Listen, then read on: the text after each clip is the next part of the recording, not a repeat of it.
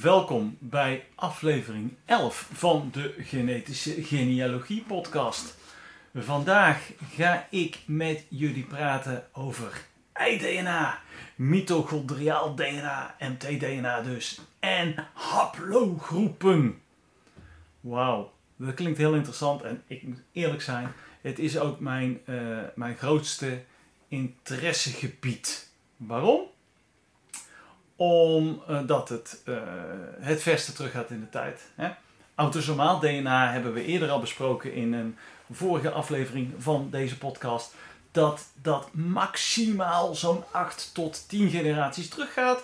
In een uitzonderlijk geval bij sticky DNA tot wel 20 generaties. Maar ja, dat is dan zo klein dat je er ook niet zo heel veel aan hebt. En ei-DNA en mitochondriaal DNA kan honderdduizenden jaren terug in de tijd gaan. Wauw. Laten we eerst eens even gaan bekijken waar we het nu over hebben. Ei-DNA. Ja, ei-DNA is DNA van het ei-chromosoom.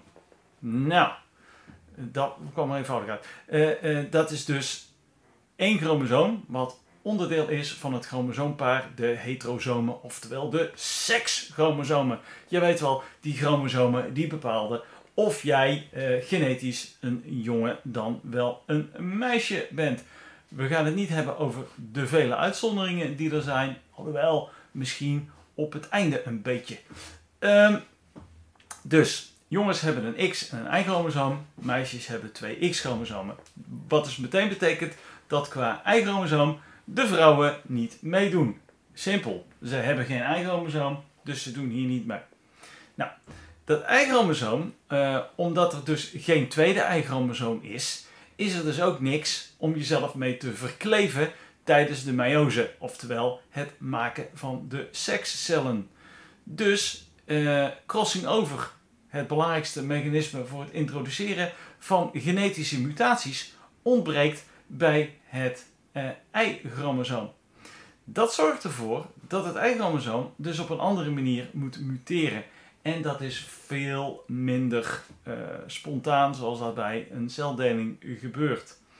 Het Y-chromosoom muteert gemiddeld eens in de 125 jaar.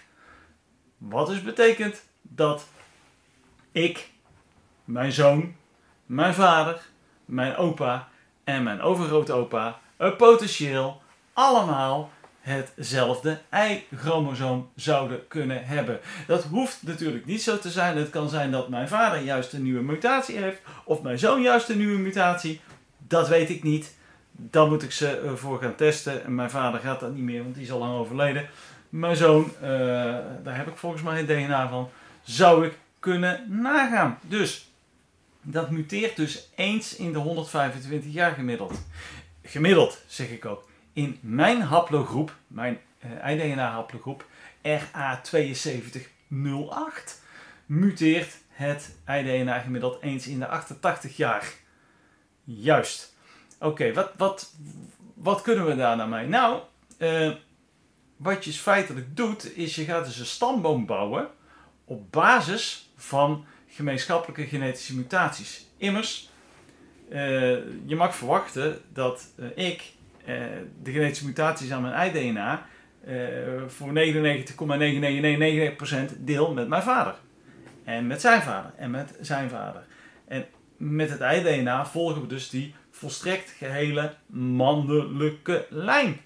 Je kunt dus helemaal teruggaan tot de hypothetische Adam.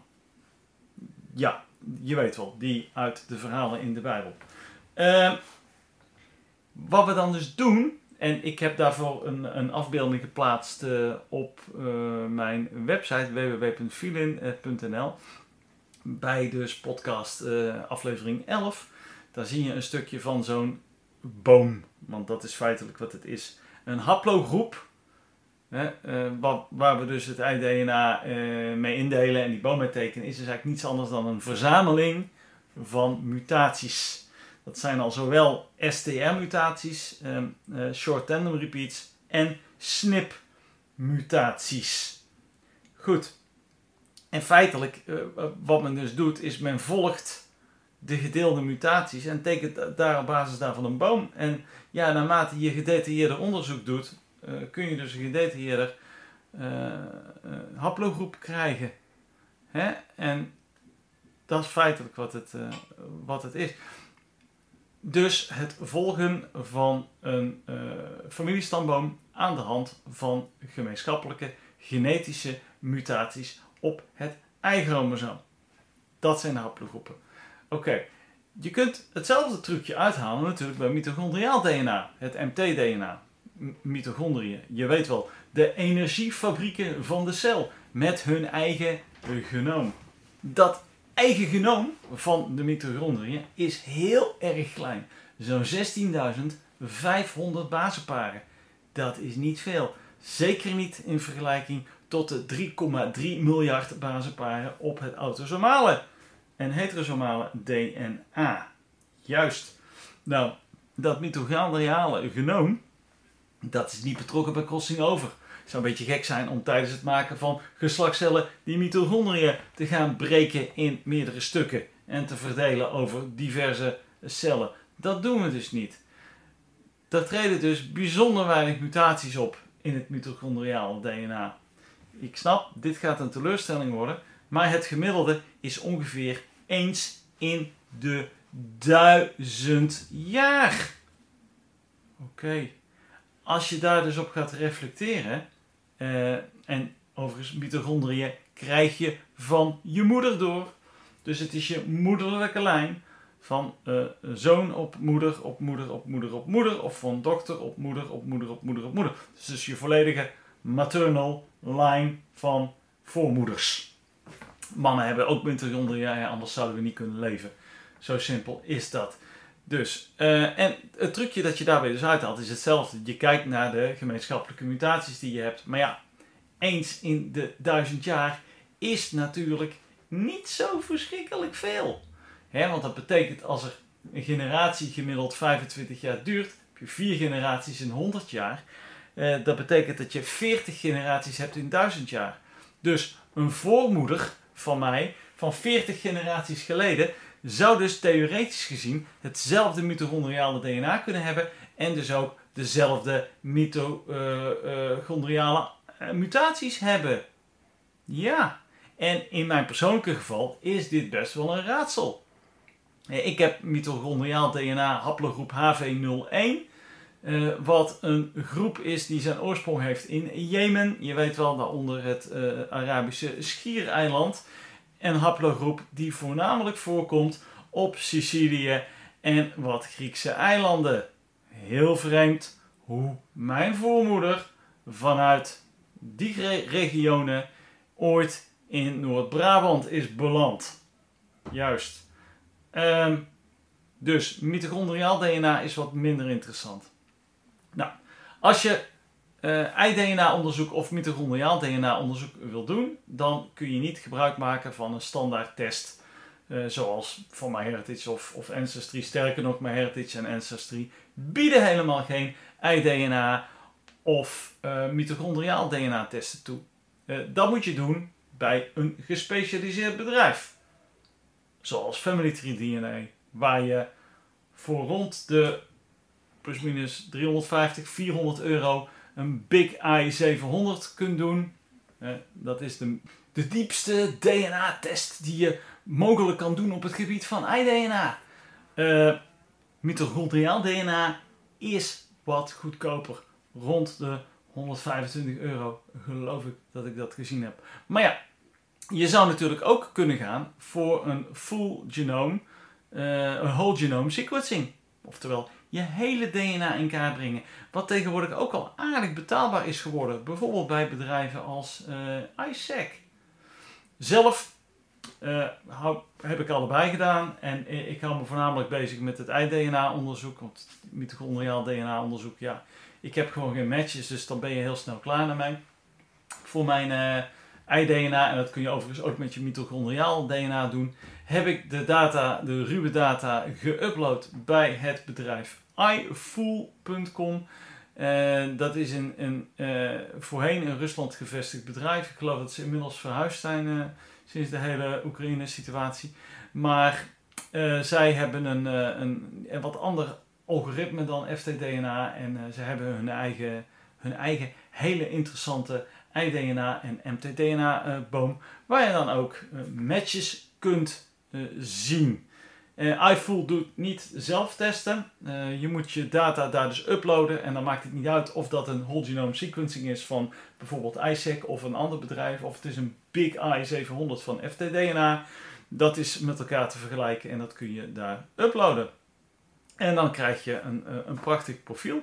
En hopelijk gaat dat terug tot slechts een paar honderd jaar in de geschiedenis.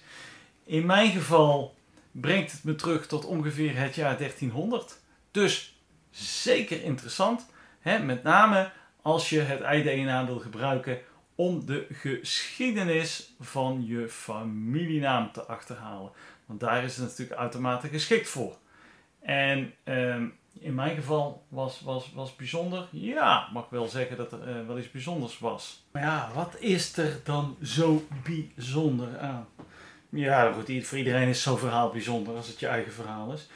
Um, in 1913 eh, is er een uh, archeologische opgraving gedaan in Noord-Engeland, in, een, in een grot. Daar zijn twee skeletten gevonden.